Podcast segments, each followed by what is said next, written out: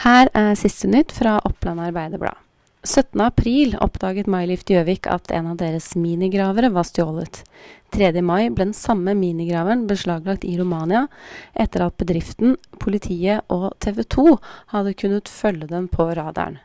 Lene Dreyer i produksjonsselskapet Mastiff sier til Oppland Arbeiderblad jeg hadde ikke trodd det var mulig å bli så engasjert i en forsvunnet minigraver.